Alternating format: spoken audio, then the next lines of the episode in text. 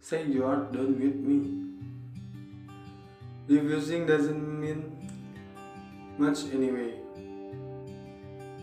It's not serious. And this affection isn't serious either. It's obvious where the story is going. I'm not interested in the ending at all, but I can stop turning the page.